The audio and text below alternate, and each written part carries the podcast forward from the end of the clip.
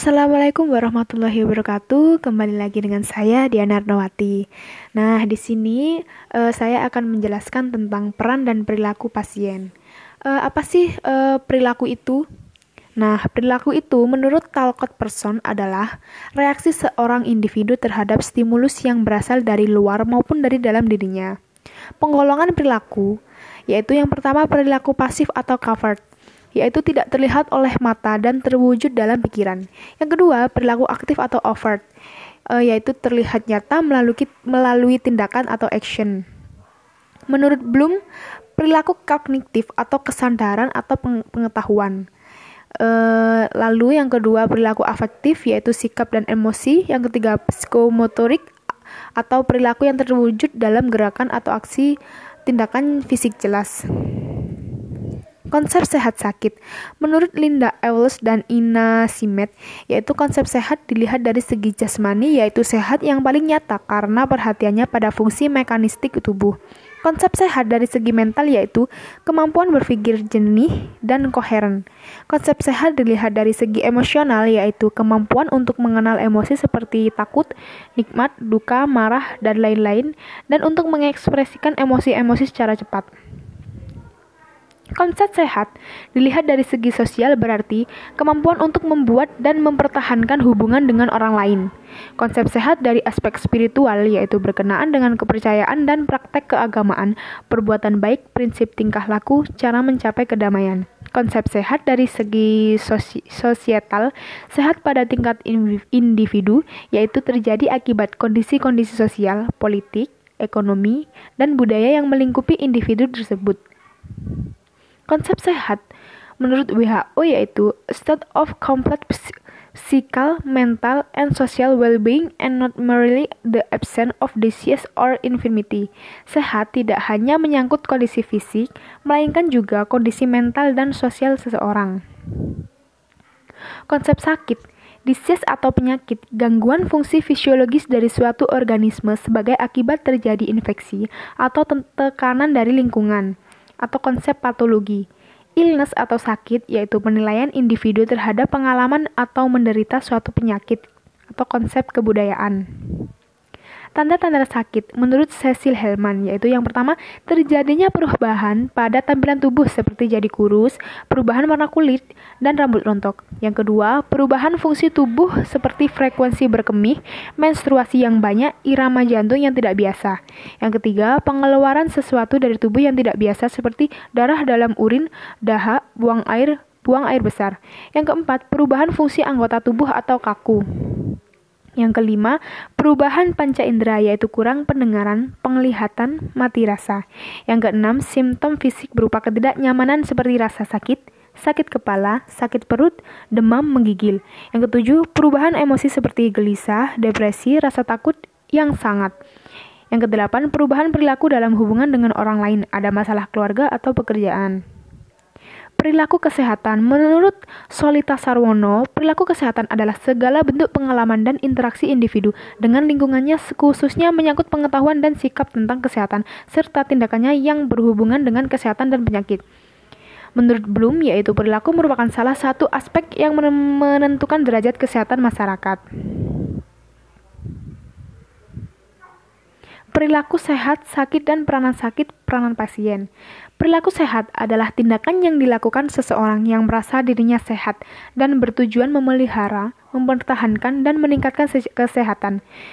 Ada tiga tujuan yang ingin dicapai dalam perilaku sehat, yaitu yang pertama promotif, yang kedua perilaku preventif, yang ketiga protektif. Perilaku preventif yaitu upaya memelihara kesehatannya dengan mencegah datangnya penyakit. Caranya dapat dilakukan dengan medical activities dan non-medical activities uh, terdapat dua tingkatan yaitu primary preventif yaitu langsung mencegah penyakit, medical activities atau minum vitamin, non medical non contohnya minum jamu. Secondary preventif yaitu tidak langsung mencegah penyakit yaitu dengan mandi rekre rekresi. Five level of prevention. Uh, yang pertama yaitu health promotion, yang kedua specific protection, yang ketiga early diagnosis diagnosis and prompt treatment, yang keempat disability limitation, yang kelima rehabilitation.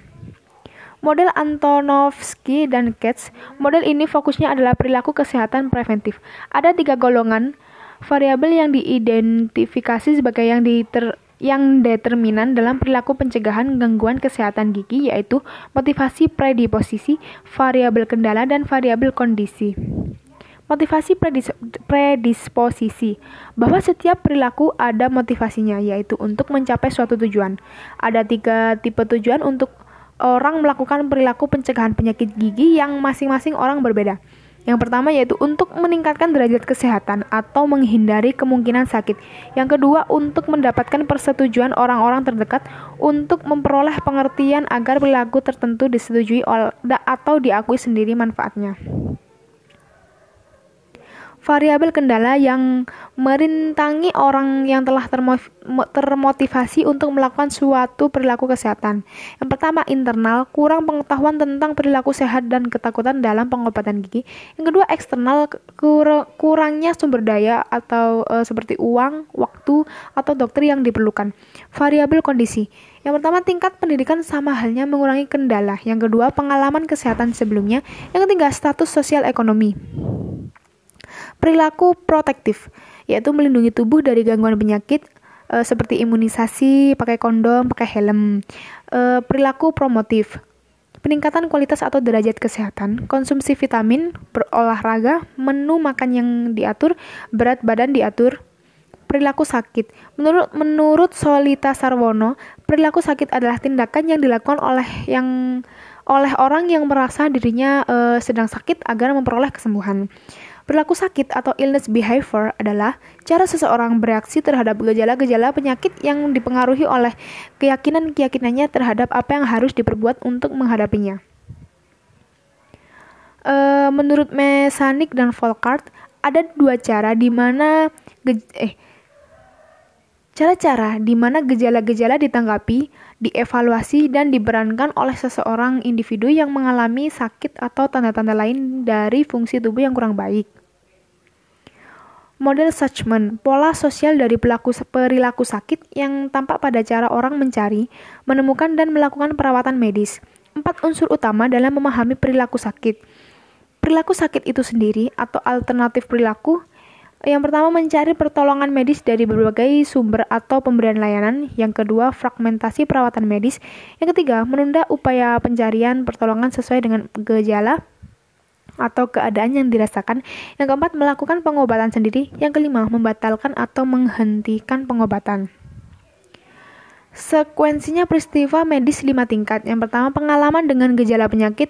Tiga dimensi gejala orang sakit. Ada rasa sakit, kurang enak badan, karena tahu makan bi karena tahu, maka bisa menafsirkan akibat penyakit ada rasa takut dan cemas. Saat tahu dirinya sakit mencoba untuk mengobati sendiri. E, keluarga mencari sistem rujukan awam, lay river system, supaya dapat pengakuan untuk lepas dari tanggung jawab sosial.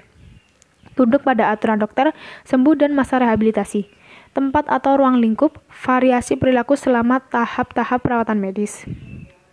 Peranan sakit dan peranan pasien. Peranan sakit terjadi jika penyakit telah didefinisikan cukup serius sehingga tidak dapat melakukan sebagian atau seluruh peranan normalnya serta memberikan tuntutan tambahan kepada orang-orang di sekelilingnya. Peranan pasien terjadi jika yang sakit menghubungi dokter dan tunduk atas instruksi dokter. Perilaku dalam memilih layanan kesehatan.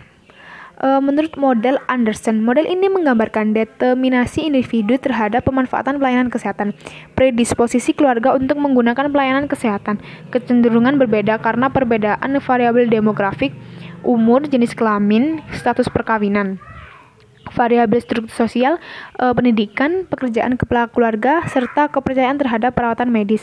Faktor kemampuan dari segi keluarga, penghasilan dan simpanan. Oke, itu tadi penjelasan tentang peran dan perilaku pasien. Uh, terima kasih. Wassalamualaikum warahmatullahi wabarakatuh.